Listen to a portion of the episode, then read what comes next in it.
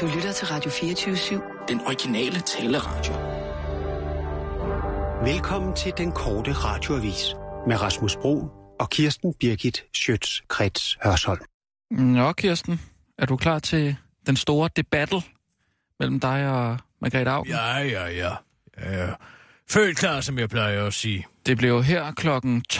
Ja, Ja, ja, I timer 25 minutter. Vi skal lige have nogle nyheder først, ikke sandt? Og så en halv time ud, ikke? Ja, og øh, jeg har aftalt med Michael Bertelsen, at han kommer ind og er mediator. Han, øh, han, er, han, det er jo noget, han laver Jeg meget. har altid gået ind for armslægten-princippet. Det vil ikke nytte noget, hvis du stod der og var mediator samtidig med, at du er under min vægt. Nej, man skal altid have nøgtern og affære, rolig og afklaret mediator, som mm, stille roligt. ja. Og det er han jo vant til, han prøver det jo så tit, ikke? Jamen, han er tit ude og lave sådan noget. Meget jeg tit. tror, han tjener mange. meget store ja, han tjener. Ja, man tjener enorme summer på det her. Ja. Altså, det ved jeg. Ja. Det ved jeg for mig selv. Ja.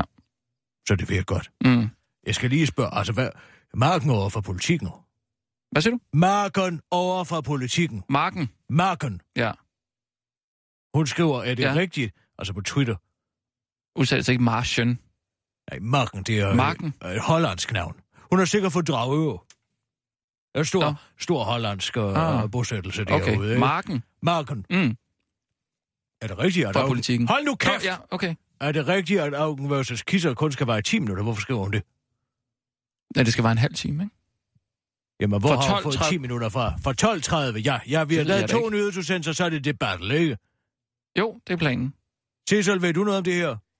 Ja, jeg, øh, jeg talte med hendes pressemand i går, Hvis. og, øh, og han sagde, Hvis pressemand. at, at 10 minutter Augens. ville være rigtig fint. Hallo? Hvis pressemand. Augens. Hvad er det, du siger? Jamen, jeg, jeg troede bare, det skulle være til 5 minutter. Hvad for noget? Ligesom kulturkanylen og... Og det, altså, han sagde, at de havde meget travlt, og så tænkte jeg, at det var fint med jer. Men det er jo en halv time. Vi har jo altså sat... Vi har jo ikke noget at sende. Vi har ikke nogen nyheder skrevet, Sissel. Vi har jo planlagt en sending på en halv time fra halv 12 til halv 1. Vi går i luften to gange nu, ikke sandt? Jo, jo, Inden klokken halv. Med to gange nyheder. Og så er der det battle i en halv time, ikke? Altså, hvor meget har Margrethe afsat? Hun har afsat 10 minutter. Amen. Skal, Hvem sagde skal 10 jeg ringe minutter? Hvem sagde 10 pressemanden? minutter? Det gjorde pressemanden. Men Sag, sagde Men vi ikke? er midt i en valgkamp. Hvorfor vil hun ikke have en halv time?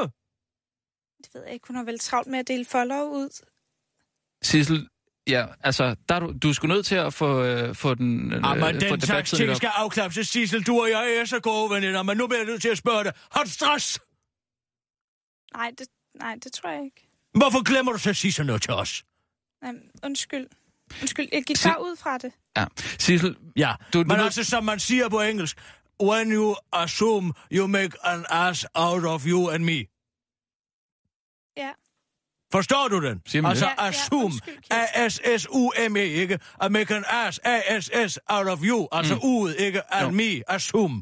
Og det er, når man går ud fra Ja. noget. Skal aldrig gå ud fra noget som helst.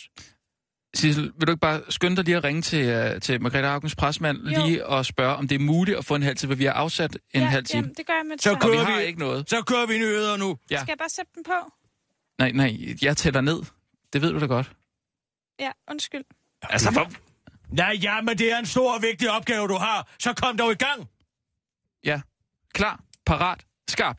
Og nu, live fra Radio 24 Studio i København. Her er den korte radiovis med Kirsten Birgit Schøtzgrads Hasholm. Fem eksperter er indkaldt i tyrkisk retssag for at vurdere, hvorvidt Gollum fra Ringnes Herre er god eller ond. En tyrkisk læge ved navn Bilgin Sifti kom til at sammenligne den tyrkiske præs- præsident Erdogan med den tidligere hobbit og nuværende væsen Gollum fra Ringenes Herre, og nu er han altså sigtet for at have krænket Erdogan. Sifti blev fyret fra sit job på et hospital og efterfølgende kortvarig anholdt, efter han havde delt billeder på de sociale medier, hvor han sammenlignede netop Erdogan, Erdogan ansigtsudtryk, når han spiste eller udtrykte overraskelse eller glæde med Gollums ditto. Men er det overhovedet en fornærmelse for jer Gollum en god eller ond karakter? Ja, det skal fem eksperter, to akademikere, to psykologer og en biograf fagmand nu bruge indtil februar på at fastslå, inden retten skal afgøre, om lægen skal to år i fængsel, det skriver nyhedsbyrået Associated Press. Shiftis forsvar Hikran Danisman har blandt andet forsøgt at håndhæve den nu fyrede læges ytringsfrihed, men det kunne hun konstatere, at hun ikke kom langt med. Hun må derfor argumentere for, at Gollum ikke er en ond karakter, hvilket altså har ført til ekspertpanelet. Altså, jeg synes jo, han er en klam karakter, men han, man skal jo også tænke på, at det jo i sidste ende er Gollum, der bider fingeren, og hvor magtens ring sidder på, og Frodo på Mount Dooms tinde, og som gør, at Saurons ring overhovedet bliver destrueret, siger hun til den korte radiovis og tilføjer. Ligesom Gollum jo også øh, engang har været en lille sød hobbit, nemlig Smirgol. Han er jo stadig en karakter i oprør. En skizofren fætter med to ansigter, ligesom de to ansigter Erdogan har, når han skiftevis taler med EU og islamisk stat, når forsvarerne siger, at hun bliver arresteret af de tyrkiske myndigheder, der lige har fået 22 milliarder i EU. Endnu en DF'er kommer til at sige, hvad han virkelig mener. Dansk Folkepartis udlændingeordfører Martin Henriksen stillede sig i går i rækken af DF'er, der er kommet til at sige sin mening, men nu øh, må trække i land, fordi det lyder så absurd og fremmedfjendsk, at man måske lige frem kan miste stemmer på det. Martin Henriksen har dog endnu ikke trukket sin udtalelse tilbage. Indtil videre har jeg kun stillet mig i køen over af DF'er, der har sagt øh, noget absurd og fremmedfjendsk, præciserer Martin Henriksen over for den korte radiovis. Det var under et interview med Radio 24-7's Asger Juhl, at udlændingeordføreren, udlændingeordføreren forklarede, hvorfor asylansøgere skal have konfiskeret værdigenstande for at dække udgifter ved deres ophold. Og hos Dansk Folkeparti er der altså ingen værdigenstande, der som udgangspunkt er for små til at blive konfiskeret.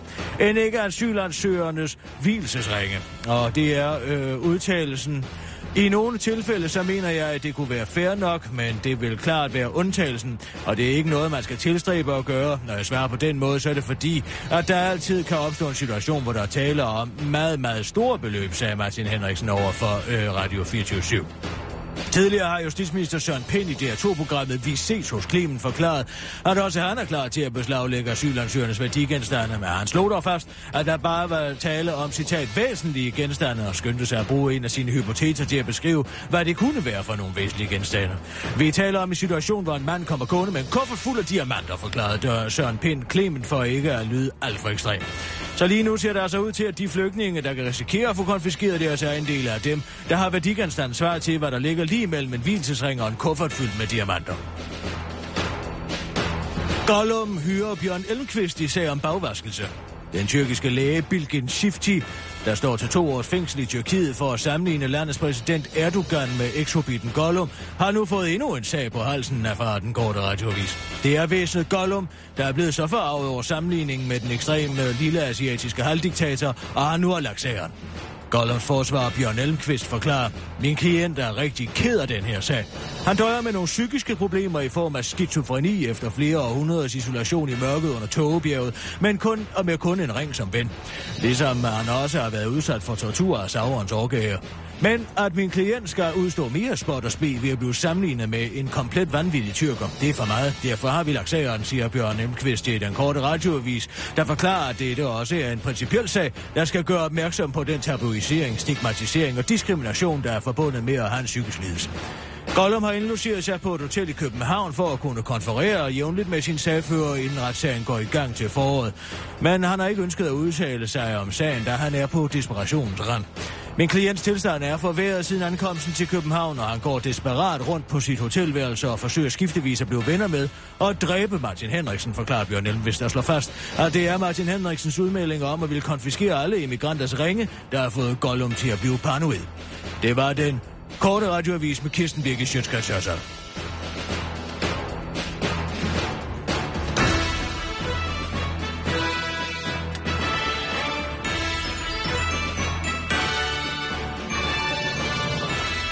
Ja, tak, Kirsten. Ej, var det dejligt, den kommer på på slaget igen. Ja. Jeg kan lige så godt sige det som det er. Altså, efter min tur dernede i Bruxelles, der har jeg det simpelthen som mirakelhunden Tuffy, altså. Vi, hvad? Mirakelhunden Tuffy. Hvad med det? Og det er den her hund i Kina, som er blevet kogt og smidt ud fra fire sal, man har overlevet. Sådan har jeg det også. Nej, den har jeg ikke lige hørt om. Mirakelhunden Tuffy. En Nå. valp. Det skal vi da lige have lavet en nyhed på. Hvis vi kan nå det. Hvad siger, hvad siger presserådgiveren, Sissel? Har vi fået flere minutter? Ja, Nej, hvor godt. Mm. Jamen, det er da altså, jeg dejligt. skal bare selv tage det med Margrethe. Hvad mener du? Nå ja, men den tager vi med Har Margrethe. vi fået det, eller har vi ikke fået det? Altså, han siger ja. På hendes vegne. Ja, Godt, fint nok. det er noget med, at hun skal stemme klokken et. Men Jamen, det kan hun jo også sagtens nå. Der ja. er det jo færdigt, ikke? Mm. Godt. Godt. Goddag, Carsten Dahlgaard. Karsten. Danholm. Christian Danholm. Christian Danholm. Undskyld, det er fordi, jeg lige har set Dahlgaard Stivli. Jamen, øh, goddag. Goddag. Og hvad, hvad, og hvad, hvad, og hvad skal man, hvordan, hvorfor skal vores, vores uh, lille uh, arbejdsplads her uh, inde i studiet Jamen, det er, os med dit tilstedeværelse? øh, altså, jamen, det er fordi, jeg står her med en bog i hånden øh, af Hans Geo Linz. Nå, Og det er faktisk en ret vigtig sag. Hans Geo, ja. God gamle Hans Geo, som ikke er iblandt os længere. Nej, han er desværre død. Øh, Men så har man jo mig. Ja. Øh, og han er musikkritiker, og har været det gennem mange år. Og jeg står her med en bog i hånden, der hedder Lykken af en ener. Ja, fantastisk bog. Øh, Det er jo en kombination, som uh, Jakob Levinsen fra uh, Weekendavisen har lavet. Ja, det er sikkert sandt. Jeg ved ikke så meget om det, øh, men vi skal lige holde tungen lige i munden her, fordi der er mange venner øh, i spil. Jeg har nemlig fået den her bog udleveret af en ven, øh, som har en ven, som er meget stor fan af dig. Mm. Øh, og der ligger et lille bog, øh, et lille brev i bogen, øh, øh, som øh, jeg lige læser noget op fra, øh, fordi det er skrevet til, altså den her vens ven har forsvaret sin phd afhandling og skal have en gave. Og ham her, min ven, har været altså, alle mulige antikvariater igennem for at finde den her Ja, bog. den er faktisk svær at få fat i. Jeg har også altså, måttet rundt på antikvariater rundt omkring mm. for at få fat i, min, i mit eksemplar, for jeg fik et af, af Jakob Levinsen, men jeg, jeg mistede det under rejse. Ja, Er, den- er den den god, er- eller hvad? Fantastisk. Det er en Ah. samling af altså, Hans Geolens allermest spidende anmeldelser. Nå, det er anmeldelser? Ja, det er anmeldelser af okay. musikalske bevirke- begivenheder, opera osv. osv. Det skal vi da også have lavet med dine anmeldelser. Vi skal da have lavet en, en lille samling, måske. Ja, det skal vi. Der står her på bagsiden, Lykken er en ener, som altså er bogens titel, Ja. ja. er en uomgængelig krønike over fire årtiers klassisk musik og musikliv. Ah, fantastisk. Og den har altså været svær at få fat i, den her bog, og det er en, det er en vigtig gave. Ja. Fordi den her mand, der skal modtage den, har lige forsvaret sin Ph.D., altså en Ja, slags ja, livsværk. Har du sagt, det har du sagt. Øh, og der står her, kære kisser, Nå, det er til mig. brevet er til dig, Ja. Ikke bogen. ikke bogen. Min ven Sebastian forsvarer sin Ph.D. den 2. december, det var altså i går. Han er stor fan af den korte og dig, så jeg har tænkt længere over en gave til ham, og det er så den, vi står med i hånden her. Nå. Øh, og det er en vigtig sag. Øh, ham her, han vil simpelthen så gerne have signeret det her eksemplar af Lykken af en ener. Nå, ja, ja, men det skal da nok gøre. Den. Vær så god. Tak skal du have. Vi får Margrethe Augen ind i dag. Ja. Simpelthen. Øh, Kirsten har sagt ja til at lige at tage en debat mod Og hende. det var altså Sebastian, han hed ham her. Fyren ja. her, ikke? Jeg kan huske, jeg erinder, at Hans Geolens, han sagde altid, hvis man ikke kan undgå at skrive noget positivt, så skal man lade være. Ej, omvendt, ikke? Nej, hvis man ikke kan undgå at skrive noget positivt, man skal kun skrive noget positivt, hvis man ikke kan undgå det. Det var sådan, han sagde det her. Det siger han skæv. Altså kun skrive noget positivt, hvis man ikke kan undgå Ja, det. ellers så- så ellers så- skal man bare skrive Ellers så skal man- må det være omvendt. Nej, altså man skal kun skrive noget positivt i anmeldelsen om noget, hvis man ikke kan undkomme udenom det. Hvis det simpelthen er umuligt at lade være. Ja, Nå, det var Det- han anmeldte efter. Jeg synes godt, at man kan... Han var meget glad for Wiener Philharmonikerne, men han var ikke så glad for er det sådan en ren uh, Thomas Treve eller noget? Ja, altså hvis uh, Thomas Treve havde hvid og bid, Mm. så havde det været lignende. Men altså, det, altså han skal jo den en intellektuel, ikke? Jo, jo. Ved du hvad, jeg skal nok signere den. Jeg kommer ind med den på dit Åh, bord. fantastisk. Ikke? Tusind tak. Ja, det var så lidt. God arbejdsløst. Uh, Tak. Det er en varm dag i dag. Er du nervøs? Nej, det er ikke, hvad i alverden skulle jeg være nervøs over. Nå, men debatten. Men Margrethe Augen, nej, hun har for længst tabsmokerne. Jeg er mere, det, altså, jeg er mere nervøs over Radio 24-7 morgen. Hvad tænker du? Ja, jeg tænker, at det er sgu som om de ikke... De har, hørte du det i morges? De havde jo EU-eksperter inde. Ja. Ham der, Henning, Sørensen, Jensen, Flemmingsen, Carlsen, Hansen. eller hvad han hedder, Bang, der han. Hansen Jensen. Ja, det var en lang fodboldmetafor, Ja. og der var ikke nogen, der slog ned på det. Nå, ja, men Danmark har jo sagt ja til at være med på et hold. Det er så altså EU, ikke sandt? Ja. Og nu vil vi træne om torsdagen, i stedet for at træne om onsdagen, Det og det god kan idé. vi Det ikke en- være bekendt. Det er faktisk meget god Fordi at så står de alle de andre jo og har det sjovt, mens mm. vi er udenfor. Altså, er det uvildige eksperter, der har den analogi? Men det er jo et meget godt billede på det, ikke? Lige at sætte det over i... Nej, det er ved Gud i himlen, det ikke er. Jo, for at sætte altså, det over en hvis man sammenligner et fodboldhold med et parlament bestående af 751 mennesker, som ikke har andet magt end at lave et forslag. Altså, det er sgu ikke at have stå på en mark og have det godt og sjovt sammen med sine venner. Det kan jeg godt, at du kan prøve at høre det. Du kan prøve at høre. Vi har Ja. meldt os ind i en klub, og i den klub der er der nogle spilleregler. Og det er rigtigt, vi kan godt sige, nu vil vi gerne melde os ud af klubben. Vi har ikke lyst til at spille kamp på lørdag. Sådan billedligt talt. Men er da meget resten af fodboldholdet vil jo så kigge på os og sige, hvis I ikke har lyst til at spille kamp på lørdag, hvor vi skal stille 11 mand til, til det lokale topopgør, så vil vi gerne have lov at sige tak for samarbejdet. Så ryger I simpelthen ud. Og, og det er rigtigt, vi kan godt trække vores suverænitet tilbage på et eller andet konkret område, men de andre lande vil jo øjeblikkeligt svare og sige, betingelsen for at være med i klubben her, det er altså, at man stiller op, når at, øh, at vi er sammen som hold. Og hvis ikke man gør det, så, øh, så må vi jo bare sige tak for samarbejdet. Så derfor så er det jo en akademisk øvelse, der ikke har noget som helst hold i virkeligheden. Altså, det her, det svarer jo ikke til, at man har meldt sig ind på et fodboldhold, hvor man øver om lørdagen, og så siger de lige pludselig, at vi vil øve om lørdagen, nej, og så vil vi øve om onsdag. Det her, det svarer til, at man mm. melder sig ind på et ho- fodboldhold, og så vil de skulle lige til, lige, så vil de skulle til at spille petang. Okay, ja. Ikke sandt? ja. Jamen, det fortsætter I. Og ved du, hvad det værste er? Det er det her med EU's asyl og in- integrationspolitik, og der må jeg sige, der fejler Christoffer altså. Er det Henning Bang Madsen Sørensen, udlændingeminister Ja, Inger? Støjberg har sagt, at tror I, at jeg vil anbefale et ja, hvis EU skulle bestemme vores asylpolitik? Alligevel er der noget, der bliver ved at fylde i debatten. Øh, altså, hun siger, at det vil hun selvfølgelig ikke anbefale, hvis, hvis hun troede, at de kom til at bestemme asylpolitikken. Har hun ret? Ja, det er den korte udgave. Det må man jo sige ja til. Det, de har aftalt derinde på Christiansborg, det er jo, at hvis vi skal være med i den fælles asylpolitik, så er den formelle ramme givet nu, fordi nu overdrager vi suveræniteten.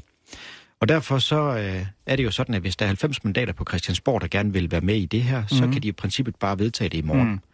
Men så har vi jo fået vores øh, famøse til solen brænder ud garanti fra Lykke. Ja. Og, øh, og det er jo den, der jo så skal være nødbremsen på det her, hvis man kan sige sådan. Fordi det Lykke har sagt er jo, at inden man tilvælger noget asylret, så vil man holde en folkeafstemning først. Og dermed, som jeg er tilbage ved, kan vi stole på, hvad han siger. Og, øh, og det er jo noget, man selvfølgelig må gøre op med sig selv. Men man må så samtidig også sige, at når at man generelt indgår de her aftaler, og når man generelt stiller et løft om folkeafstemning, inden man begynder at tilvælge noget, så er det jo realiteten et politisk selvmord, hvis ikke man husker Altså, det her, det handler jo simpelthen om, at den garanti, den er lige til at stikke op i røven. Ja, så er det sagt. Og det skal Christoffer skulle da slå ned på. Gør han ikke det? Nej!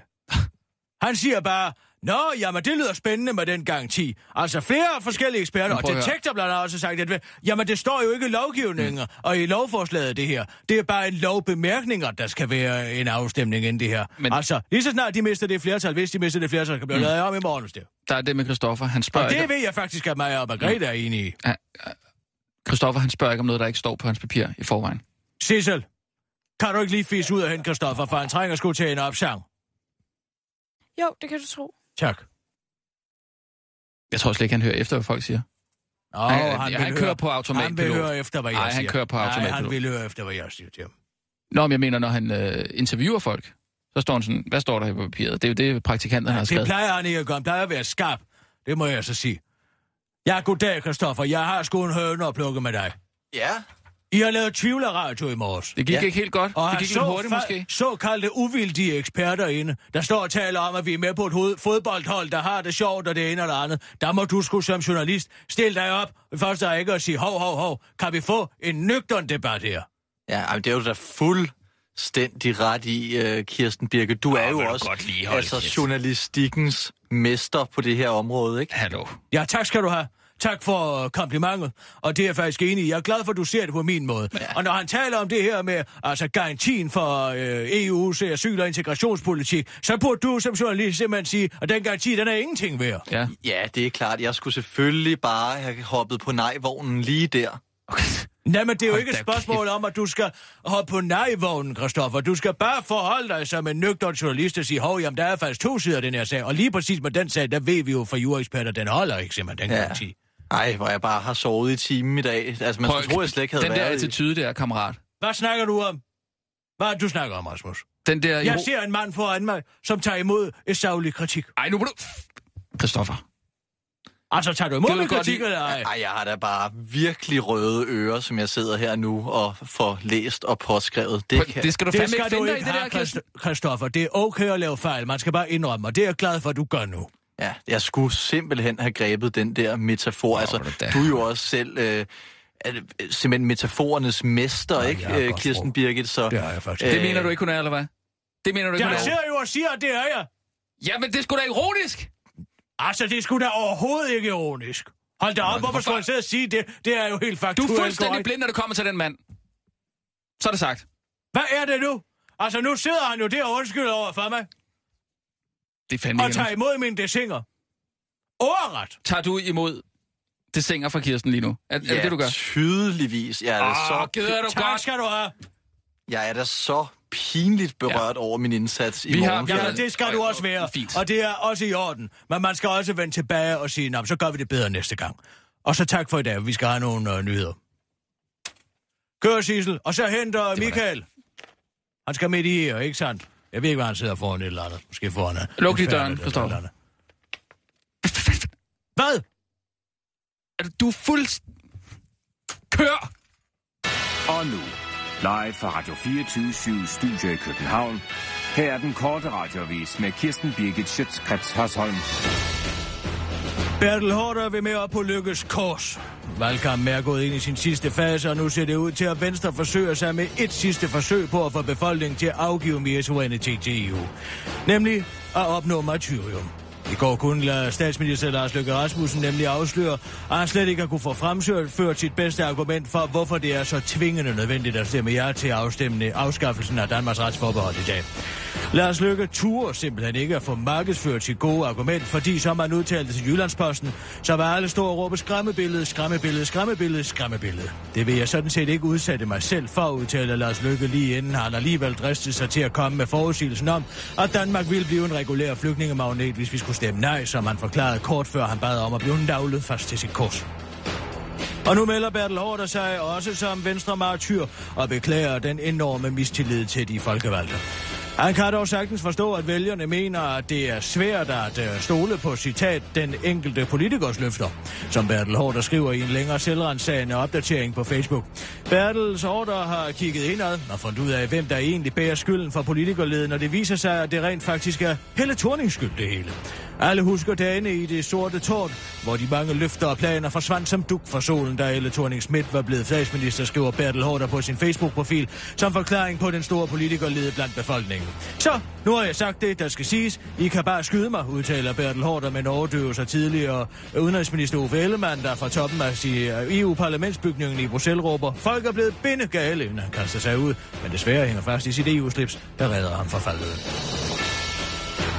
DR forsøger sig med en ny clickbait-strategi. Det har længe været et kendt journalistisk greb at på visse underlyde netmedier at lokke sine læsere til at klikke på pseudoartikler ved at benytte sig af tillokkende overskrifter som Pigen bryder sammen af gråd, når du ser, hvorfor bliver du forfærdet. Og denne hjerteskærende beretning vil få dig til at genoverveje hele din eksistens. Men nu går Danmarks Radio også ind i kampen for at få folk til at klikke på de ligegyldige artikler, som de aldrig nogensinde ville have læst, hvis det ikke var fordi overskriften havde været så pokkers tillokkende. Under DR.dk's nyheder finder man i dag således artiklen med den dagsaktuelle og fængende overskrift. Det foregår du forgæves til valgstedet kl. 8. Det er en rigtig god overskrift, fordi den spiller på den nysgerrighed, som mange af os har, forklaret livsstils- livsstilsekspert Henrik Byer til den korte radioavis og fortsætter. Man vil som menneske gerne vide, hvad den egentlige årsag til, at man kommer til at gå forgæves kl. 8 er. Måske kan det være på grund af tjusk fra de valgtilforordnede side, eller måske er det i virkeligheden kommunerne, der er klokket i det. Man bliver nysgerrig, forklarer livsstilseksperten. Det er dog hverken kommunerne eller de til valgtilforordnede skyld, at man kommer til at gå forgæves kl. 8, men derimod, som det fremgår af artiklen, at valgstedet først åbner kl. 9. Jeg synes, øh, det det lykkes meget godt med den her clickbait-artikel, udtaler for artiklens forfatter Emma Toft til den korte radioavis. Jeg gør det, at jeg længere nede i artiklen lige skriver, at man i Folketinget i øjeblik behandler et lovforslag, som i fremtiden skal sørge for, at åbningstidspunktet bliver rykket frem til kl. 8. På den måde bliver den også lidt mere informationstung, og ikke bare ren og skær clickbait, udtaler den stolte journalist til den korte radioavis. Og livsstilsekspert Henrik Byer er helt enig i den vurdering, men har dog et enkelt tip til DR's fremtidige clickbait-strategi. Jeg vil nok sørge for, at man rent faktisk skulle klikke på artiklen for at få informationerne om, hvad grunden til, at man øh, går forgæves kl. 8 er. Som den er nu, så står den faktisk øh, lige nede under overskriften, hvor der står, at valgstederne først åbner kl. 9, forklarer livsstilseksperten. Det var den korte radioavis med Kirsten Birgit Sjøtskrets Hørsholm.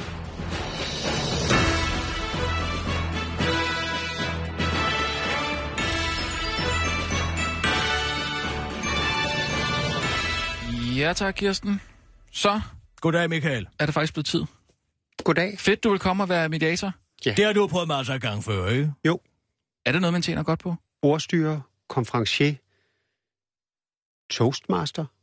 Du er også ud som toastmaster. Betalt simpelthen. Mm. Hvad tjener man? Jamen altså, det kommer an på... Øh, det, det, det kommer an på, hvem kunden er. Man Mm. kan tjene helt op til 80.000 Nej. Jeg har fået er sgu 100 meget. en gang.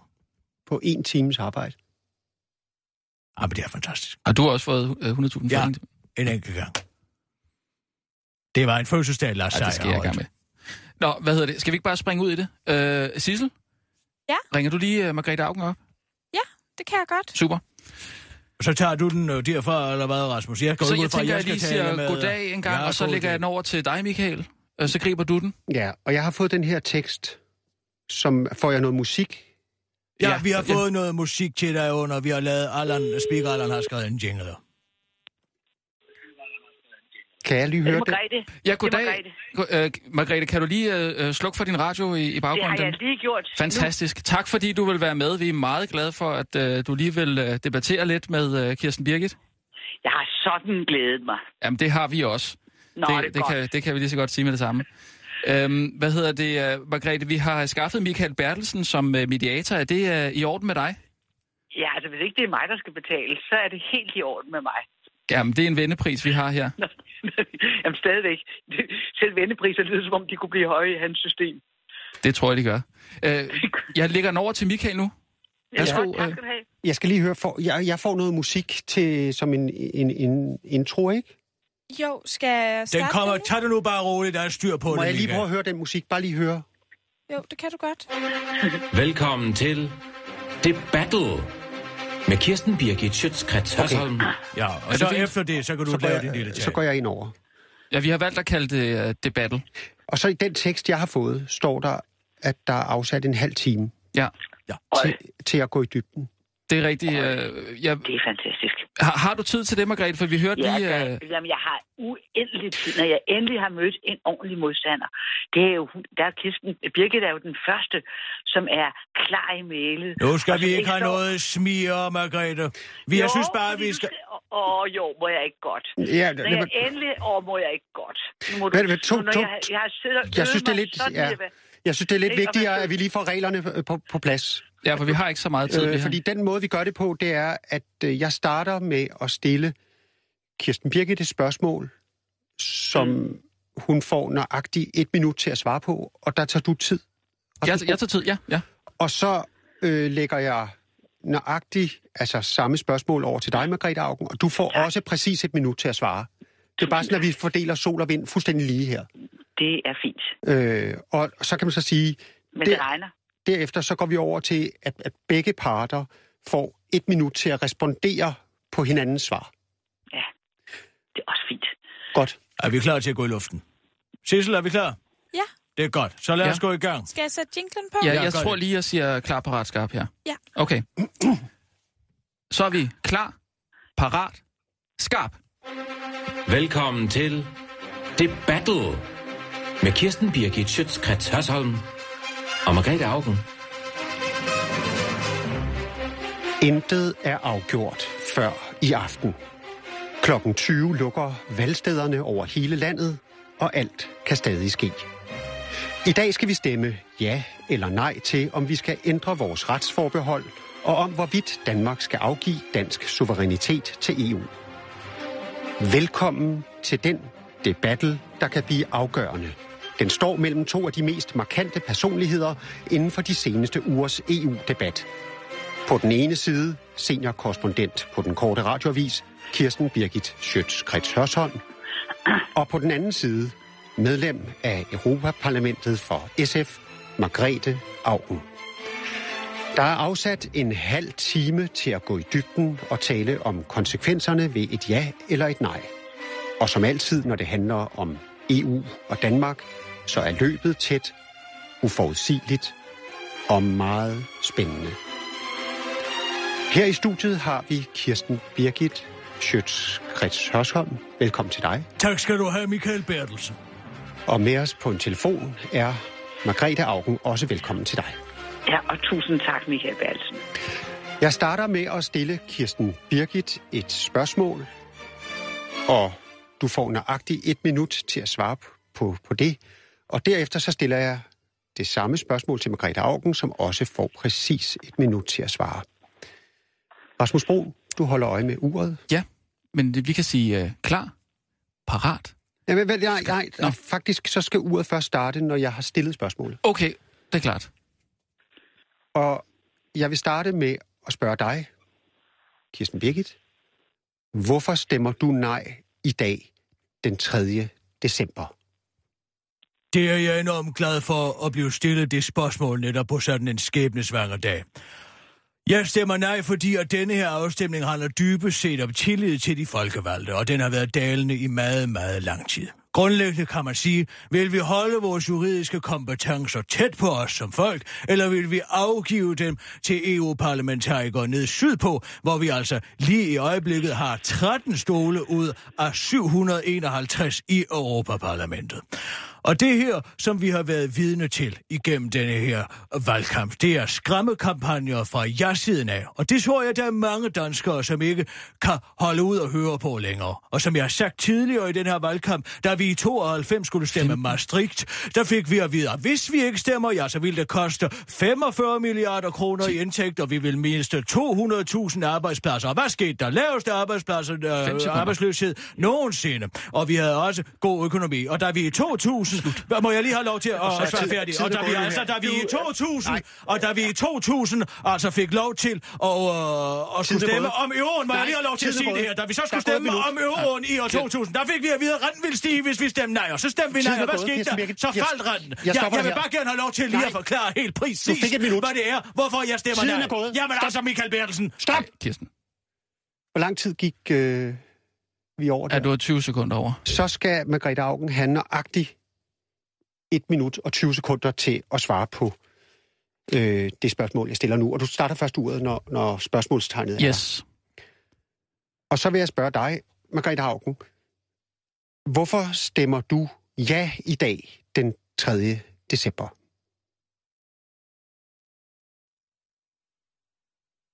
Margrethe Augen? Der går vigtigt debattid, så vi skal have et svar. Hallo? Sissel? Er der røget noget, Sissel? Det, øhm, det ser ud som om, at vi har mistet... Så stop uret. Ja, stop. Nej, altså, så kan jeg måske Nej, gå ind og nej, tage... nej, nej. Jamen altså, det er jo vigtigt, at jeg får øh, orienteret, altså. Rasmus, stop uret der. Ja. Godt. Skal jeg ringe hende op igen? Jeg, så, jeg Ja. får et fat i en, selvfølgelig. Ja.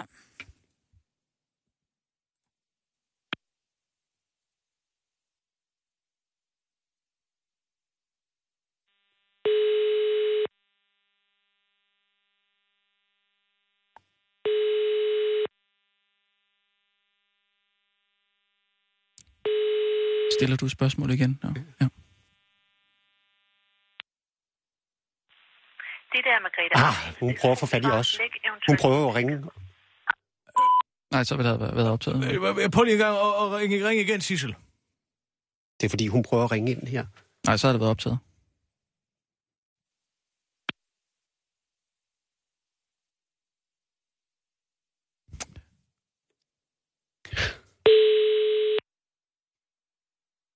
Men altså, så kan jeg måske, mens han ringer op, lige forklare. Altså, Nej. jeg, jeg, jeg, dybest set så handler det her jo om kompetencer. Irreversible Nej. kompetencer, Nej. man overleverer Kirsten. til Den netop tid kan du bruge. Stop. Jamen altså, vi, her? vi skal lige høre Stop, her.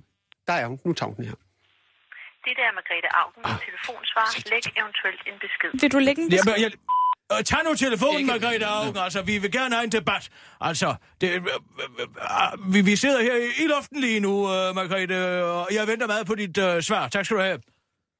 Kirsten Birgit, var det? Tag, øh, tag den lige, Kan vi, øh, tag den lige, øh, vi tager den lige øh, en gang til. Det er lidt af en katastrofe, det her. Ej, for satan, altså. Der går vigtig debattid her. Der er sat en halv time af.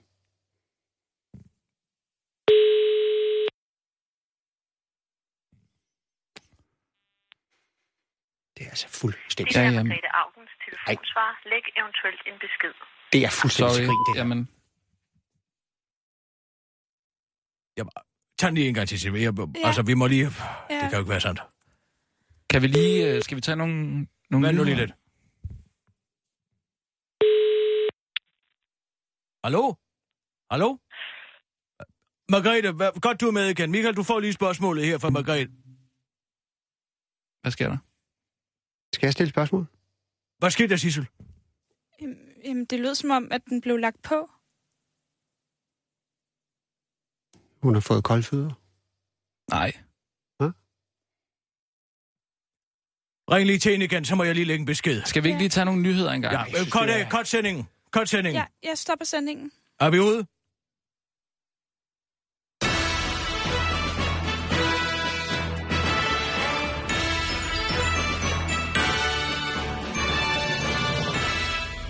Nu er I ude. Øhm, Sissel, kan du ikke lige, øh, vil du ikke lige være venlig og ringe til hende igen, så lægger jeg din besked. Jo, jo, selvfølgelig. Det der er Margrethe Augens telefonsvar. Læg eventuelt... Læg hurtigt på. Det er ikke hendes stemme. Altså, hvad, hvad, Margrethe, det er Kirsten Birgit inden for den korte, jeg står her med Michael. Vi venter på at lave en sending og en debat. Ikke sandt? Jeg, jeg kan ikke forstå, hvorfor at, uh, vi kan komme igennem til det. Altså, hvis det er fordi, du har fået kolde fødder, Ej. så kan jeg... Nej. Nu har jeg så tid ej, til, Kirsten. og jeg har også forberedt mig på den her debat. Det går simpelthen ikke, og jeg skulle sidde og høre på dig på Twitter, Ej. og jeg ikke tør mødes med dig, og jeg har sagt fra begyndelsen, hvorfor i alverden skal en journalist mødes til en, en, en ligeværdig debat med, uh, med en politiker. Og det finder jeg mig simpelthen ikke i. Jeg har kraftedet med at sidde og læse EU-direktiver hele natten, for at få lov til at lave den her debat. Og så sidder jeg og ringer til dig, og så lægger du på i tide og utide. Og ja, er du klar over, hvad han koster, Michael Bertelsen? Ja, vil du være venlig at ringe tilbage? Med det samme. Den. Skal, Cut skal mig jeg ud. Yes. Cut mig, cut mig ud. Ja, jeg, jeg lægger på. Skal vi lige gøre det, at vi... Øh, vi Men jeg vil ikke have noget for det her. nej, men det, det ikke havde er vi heller ikke aftalt. Fordi jeg vil slet ikke have noget med det at gøre så. Hvad mener du? Det har jo været sendt. Det er jo ikke din skyld. Det er jo... Ja, Øh, det- Prøv lige at få fat. Du må lige få fat i, Mare, i Marete. Ja, skal jeg ringe op til hende igen? Du skal blive ved med at ringe. Bliv ved med at ringe. Vi må lige tænke vi, op, hvad, hvad jeg, synes, gør jeg, her. synes lige, jeg foreslår, at vi lige tager nogle nyheder hurtigt. Jamen, vi har jo ikke nogen nyheder. Genbrug. Sige, at valgstederne er åbne indtil kl. 20 i aften. Det er en rigtig god idé. Sig lige det. Jeg kan finde på, at måske hive et eller andet ud og røve med Dalai Lama eller et eller andet. Der ligger faktisk noget her. Ja, det er jo dit speak. Nej, det er ikke min. Det er fra i morges. Jamen, ja. Vi, vi, vi, vi forsøger et eller andet. Jeg prøver at lave en sending. Men med hvad? Jeg ved jeg ikke, så må jeg jo sige, at man kan gå ud og stemme nu, altså. Hvad med øh, din øh, pik? Skal jeg sætte mig på pikken? Den var jo ikke helt god her sidst du, den. de, sidst du... Så øh, fis ind og hent den. Hvor ligger den? Den ligger inde i min øh, altså lædertaske og skråremmen. Yes. Men der er ikke nogen grund til, at jeg står her. Nej, vi, vi, vi, øh, vi øh, henter det, Michael, hvis det er, øh, vi kan få fat på... på Hvis du tager på- telefonen, Ja, ja, Så- så ja, så det. går vi så kan I tilbage. hente Ja, ja. mig på 20 sekunder. Ja, det er fint. Det er godt. Sissel, er- ringer du stadig? Ja, hun tager Men er altså ikke... ikke. Okay. Fint. Der har været, der har været, Ja, øh, hent nu bare pikken, og så Ja. ja. sætter jeg med på den. der har bare været ret meget hype om den her debat. Så den falder også tilbage på, på hele radioen. Er det min skyld? Er det min skyld, telefonen ikke bliver taget? Fisk du nu bare ind på dit kontor her, Bertelsen, så skal vi nok hente dig, hvis det er. Jeg ved også godt, at du er frustreret over de mange spørgsmål, du har. Lad være at være sur. Lad være at være sur. Du er simpelthen så teatralsk. Det var da utroligt. Ja. Vi ringer. Kald på mig.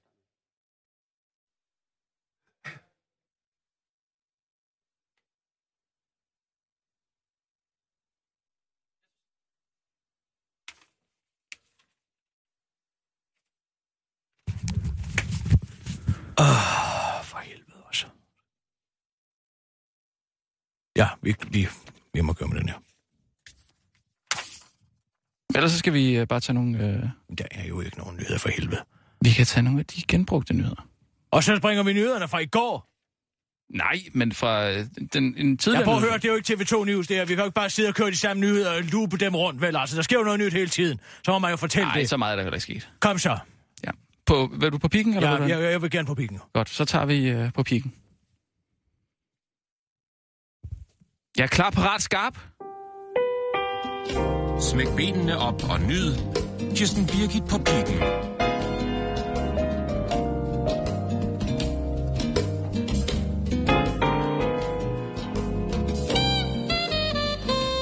Vi har endnu i øjeblikket nogle problemer med at få fat på Margrethe Augen.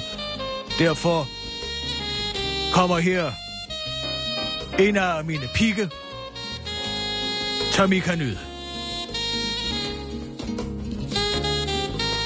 Godmorgen, her virkelighed. Kom indenfor. Den ligger derinde, angsten. Lige der. Latent under de øverste lag døde hudceller. Vi tror, den er begravet i underbevidsthedens labyrint. Gemt væk, uden indflydelse for vores liv. Men sandheden er, at den sidder der i sjælens aftræ. Med front mod hoveddøren. På vagt. Men skjul for facadekigger, parat til med et øjebliks varsel at overtage styringen. Du er mere bange, end du tror. Tro mig, jeg ved det. Jeg boede i denne uge på The Hotel i EU's kulisser Bruxelles. Terroren er her tæt på, og dog alligevel langt væk. Man ser naturligvis de bevæbnede soldater patruljere i de ellers øde gader. Man konstaterer, at der står to MP5-bærende medlemmer i Le Regiment par Commando foran hotellobbyen, og man tænker naturligvis sit. Men terroren forbliver selv konfronteret med de omnipræsente elitesoldater en fjern hypotese. Hvis nu dit og hvis nu dat, og hvis vi går på arbejde, og hvis vi handler varer, og hvis vi lever vores liv som før og spiller vores rolle i Vestens Security Theater til perfektion, så er det næsten som om terroristerne ikke havde vundet. Det er en skøn og selvtilfreds illusion. Den ukulige europæiske liberalisme. De oplyste europæers principielle resistens over for dem, der vil os det ondt. Men det er en illusion. Desværre.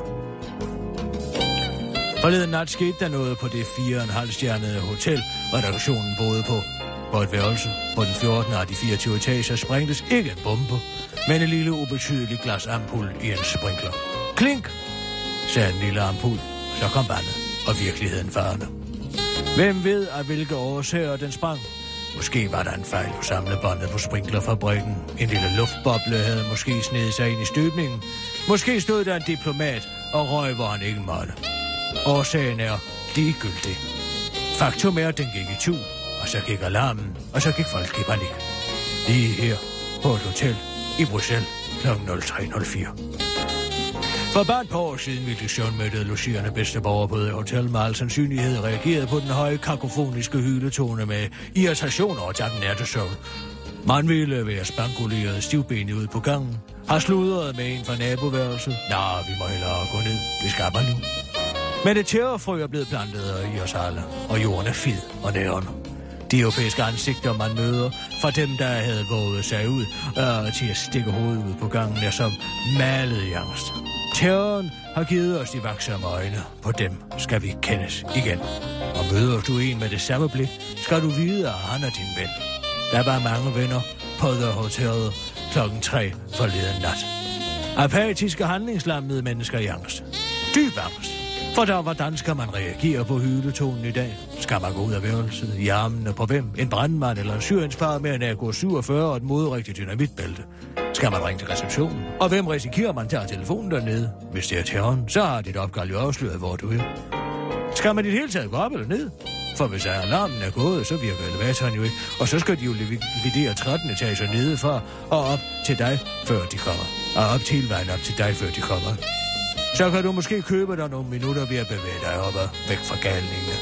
Eller skal man blive på hotelværelset og se, hvem der kommer og banker på? Sådan gennemførtes et terrorangreb udliciteret af islamisk stat til en fejl i sprinklersystemet på The Hotel i Bruxelles. Der var ingen omkomne, men en illusion med savnet. Goddag er virkelighed.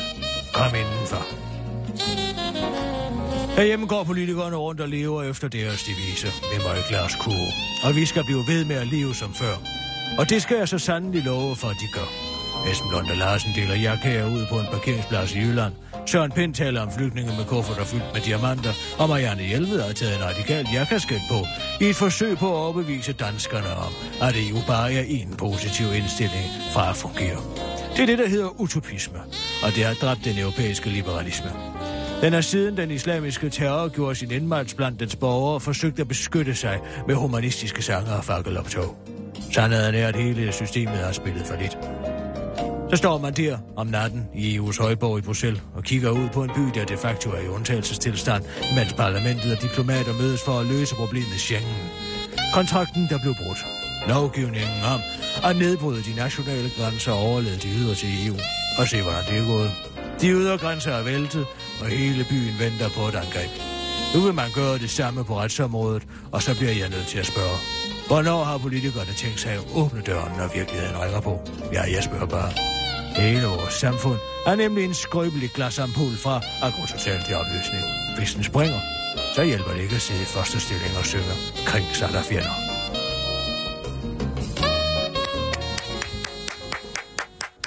Bravo. Den var også god den her gang, synes jeg. Har du fået fat på augen, Sissel? Nej, den går bare på telefon. Det var da imponerende! Altså, vil du, vil du høre det selv? Nej tak, hvis du siger det, så tror jeg da på det. Giv en lille skud mere. Ja, det gør jeg. Det er da spøjst.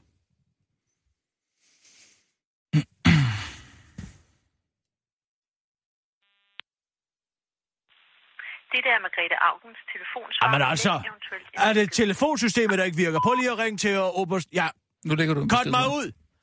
Cut jeg, mig jeg, ud! jeg lægger på nu. Altså, kom det med. Ja, s- ja undskyld. Prøv lige en gang at ringe til Prøv at høre. Ring lige Vi- til Oberst Weekend. Jeg skal Bare- vide, om vi overhovedet kan få linjer ud af huset her. Ja, jeg vil bare lige sige, vi har alle sammen været under pres de seneste par dage her. Uh, Bruxelles har taget rigtig hårdt på os alle sammen. Hold Øh, nu kæft med det, Bruxelles! Ring Men- til Oberst Viking. Jeg bliver nødt til at vide, om vi kan få linjer igennem. Om det er Ja. telefonsystemet, der ikke virker.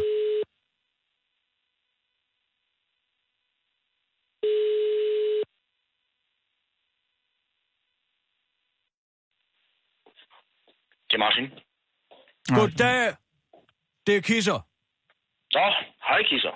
Ja, ja, ja, men du kunne godt tage den. Ja, vi er jo lidt uh, forundret herinde, fordi uh, vi kan ikke få fat på Margrethe Augen. Jeg skulle have lavet debattel med hende. Ja, det kunne jeg næsten forstå. Vi har Har haft I, hende igen. har I fået debatteret? Jamen altså, det er lige så snart. Og Jeg ved ikke, om hun lagde på, eller hvad der skete, men altså, vi har forsøgt at kime hende ned de sidste 20 minutter. Nå, jamen... Den går direkte på svar, og det er på forskellige tidspunkter. Jeg forstår ikke, hvad fanden der er, der sker. Altså, Sissel, kan du bare blive ved med har at ringe op derude? til det, Ja, ja, selvfølgelig. Hvad er det teknikken inde med jer, der driller, eller... er Nej, en jeg, så prøver jeg jo for at se, om vi kan få en linje ud og ringe til dig, og du tager den jo, som du plejer. Ja, ja, bevares, selvfølgelig. Du ringer. Har du forstemt? Hvad siger du? Ja, selvfølgelig. Det gjorde jeg i sidste uge. Nå ja, du brevstemte jo, ja, det er så. Ja, jeg gider ikke stå dernede øh, øh, i kø. Det er forfærdeligt. Jamen, altså, jeg, det er faktisk meget øh, farligt nu her, og særligt når det er vinter. Der er så mange forskellige mennesker samlet. Ja, men, du tænker på, om vi bliver smittet med alt Ja, du kan jo lige blive smittet. Altså, det er jo det der... Der er jo mange, der tror, Obers Viking, at øh, det er fordi, at øh, det er koldt, at man bliver syg. Men det er jo faktisk fordi, at der er flere mennesker indendørs stuet sammen, at, at flere bliver syge om vinteren. Det har ikke noget med kulden at gøre. Jo, hvis man Nej, sidder, nej, nej, den- det, er- jo, det er jo rigtigt. Altså, hvis du sidder uden for en varm sommeraften øh, omkring et bål, og du bare har t-shirt på, så er man ofte syg dagen efter, det vil jeg bare lige sige. Ja, men det er jo ikke noget med influenza at gøre. Nej, Nej, men du bliver syg. altså... Ja, svært skravl måske, men, øh, men, men ellers så er det ikke noget Ej, med sådan det er- decideret sygdom at gøre. Det, den kører rundt i verden på, på, på skift og kommer til Danmark på de, de bestemte tidspunkter, så er den der tre uger, så forlader den igen. Det er nemlig sandt. Er du biolog? Sådan er det. Nej, jeg er bare... Almindelig oplyst. Ja, lige præcis. Det er jo ikke lige præcis Sissel, kan vi ikke lige give uh, Augen et ring igen? Jeg sætter lige på hold, og Obers Ja. Tilfælde er Augen, og, og hun tager den igen. Ja, selvfølgelig. fint. God idé. Det der er Margrethe Augens telefonsvar. Læg eventuelt en besked. Cut mig ud. Ja, jeg lægger på. Det var da pudsigt. Har de ikke en øh, fast linje eller noget, som man kan ringe på, eller anden? Jamen altså, vi, vi, vi har kun nummeret på Margrethe. Nå. Har du forsøgt at ringe til SF også, Sissel? Ja, Og hvad siger de? jeg kan heller ikke få fat på dem. Jeg skal synes, det her. Det er også, når jeg prøver fra min private telefon. Jeg synes, det er yderst besynderligt. Altså, h- hvad skal jeg gøre? Jamen, jeg Det- beskylder jamen, dig ikke dig for nej, noget. det er Det er ikke din skyld, skyld. Man kan jo kun forsøge at ringe så mange gange. Ja, nu var hun, nu, hun virkede jo ellers så, så opsat på det her, og SF også på Twitter, kunne jeg se. Og, så jeg tror, der mange havde set frem til, at de ligesom skulle have the, the Battle of the Century, som jeg tror også, det er blevet kaldt. Ja, det er jo Så det. undrer man bare, jo. Det er det sabotage. Har du selv stemt, øh, Kisser, endnu? Nej, ved du hvad, jeg har jo været i Bruxelles alt det her. Jeg har ikke, Nå, fået, jeg har ja. ikke fået det. Jeg skal ned og stemme her senere. Mm. på Frederiksberg. Ja. Jeg bliver Ja, ved du hvad, det, er, lidt- det er lidt det samme. Jeg er heller ikke så vild med at stå ved en buffet, når man skal have mad. Nej, nej, nej, nej, nej. Jeg Altså, skal det er ligesom, aldrig tage buffeten. Man, står, man føler sig som svinet, der står ved troet, ikke? Ja, ja, ja. Jeg har lidt på samme måde, når jeg står dernede i kø, og så er der alle de samme mennesker, der har rørt ved den samme blyant, ikke? Og så skal man ind og røre ved den. Jeg hørte apropos det med influenza noget meget interessant faktisk her for nylig. Ja. Og det er med hensyn til, altså den her store succes, som europæerne jo har haft rundt omkring i verden, ikke? Og jeg kom i tanker om det, øh, da jeg var i Bruxelles. Fordi, altså da uh, konkistadorerne jo kom til Amerika, så uh, tog de jo alle de her forskellige sygdomme, som også europæere har med, ikke? Mm-hmm. Ja. Altså, og det slog dem jo ihjel som fluer. Langt flere, end altså, konkistadorerne fik stukket ned. Og ligegyldigt, hvor vi kom hen på kloden, så har vi altid haft mange sygdomme med. Og så var der en, og det har jeg faktisk altid tænkt på selv. Hvorfor gik sygdommen ikke den anden vej? Ikke sandt? Hvorfor var der ikke sygdomme i den nye verden, som gjorde os europæere syge? For det var jo faktisk ikke tilfældet. Mm-hmm. Nå, men det der så er interessant, og nu skal du høre hvorfor. Det er jo fordi, at mange af de sygdomme, som vi har, altså pesten og alle de her forskellige kolera-epidemier, alt det her, ikke? Det kommer jo, det er jo muterede sygdomme fra husdyr. Mm-hmm. Ikke sandt? Og der har vi jo altså, i, som følge af den store urbanisering i op igennem Europa, altså med købsteder og alt sådan noget, som jo flød i pis og lort, simpelthen, ikke sandt? Og dyr gik jo side om side, altså får og grise og køer og alle de her forskellige ting gik side om side, så der har været enormt mange muligheder for, at en sygdom fra et svin eller en ko kunne mutere og hoppe over et menneske. Og derfor har vi haft altså en hel masse sygdomme, som har været nærmest pandemiske, ikke sandt? Altså, i, i middelalderen døde der er jo altså flere mennesker i byerne, end der, end der, øh, øh, end der blev født simpelthen. Altså, det var kun på grund af urbaniseringen, at de holdt til. Men det, der er interessant, nu stiller jeg dig et spørgsmål, Obers Viking. For kan du nævne et eneste husdyr i Amerika, som indianerne holdt? Mm. Og du skal tænke på, hestene kom først med konkistadorerne, ikke? Ja, ja, du har ret. Øh, nej, der fanger du mig lige. Jeg, jeg, kan- det, det kan jeg faktisk ikke. Nej, og det er det, man ikke kan. Fordi der er ikke særlig mange dyr i den fauna derovre, som er gode til domesticering. Altså, de har bøfler, dem kan du jo ikke lige at domesticere, medmindre du har høj teknologi. Og du kan heller ikke domesticere hjorte og så videre, og så videre. De har lamaen godt nok i Sydamerika, men det er kun et dyr. Det er derfor, at der ikke har været nogen pandemiske sygdomme andre steder end Europa, fordi vi har alle husdyrene. Jamen, er det ikke sjovt? Ki- Kirsten, øh, Twitter er øh, altså koger fuldstændig over. SF beskylder os for at øh, ikke at vil øh, debattere. Hvad i alverden biler de sig Er det, et, er det et komplot, det her, eller hvad? Er vi blevet... Øh... Hvem, Altså, hvor skal hvem skulle have... Jamen, Hvorfor, hvorfor skulle de ikke ville debattere? Men de beskylder os for ikke... Eller dig. Altså, Kirsten Birgit. Hvorfor i alverden skulle jeg ikke vil debattere? Det er Jamen, Jamen, de- det er ikke de- så gode argumenter, som vi har haft. De siger, øh, at det ligner en fælde. Et fælde? Og øh, Margrethe Augen sidder klar og venter og venter. Altså, Hvad skulle vi, hvad skulle vi få ud af det? Hvad? Eller, Altså, nu må det simpelthen stoppe det her. Vi ringer og ringer og ringer, og den går på svar hver eneste gang. Det er jo godt tydeligt, og man kan høre det, ikke? Altså, nej. Altså, hvorfor i alverden skulle jeg så sidde og padle i og, og læse gamle piker op, og hvad har vi alt? Nå, Jamen-. Obers Viking, vi må tage den en anden dag. Har det Ja, ja, det godt så længe, ikke? jamen, det, tak fordi du ringede. Vi snakkes. Ja, det er godt. Altså, hvad er, Hej, der, hej. hvad er der op og ned i den her sag? jamen, det ved jeg ikke. Men vi må jo lige se, om vi kan få... Øh... Det, det, det, jeg synes, Altså, det... jeg må indrømme, at jeg glæder mig meget til at finde ud af, hvad der er op og ned i den her sag. Ja, det gør jeg da også.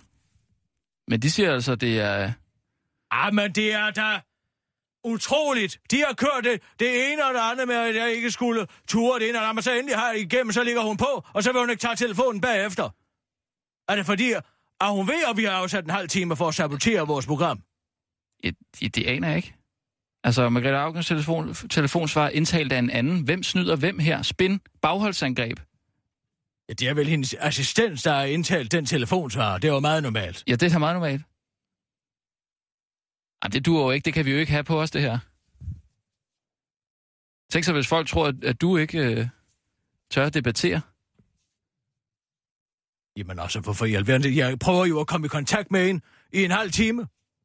Jamen, altså, kigger på mig, det, men det ligner et bagholdsangreb, Jamen, det her. ligner et bagholdsangreb. Fra hvem, spørger jeg? Ja, Ja, Hvem fra- er det for et det er da bagholdsangreb? SF, Det er der- ikke mig, det- der stiller jamen- op og så ligger på. Jamen, ja,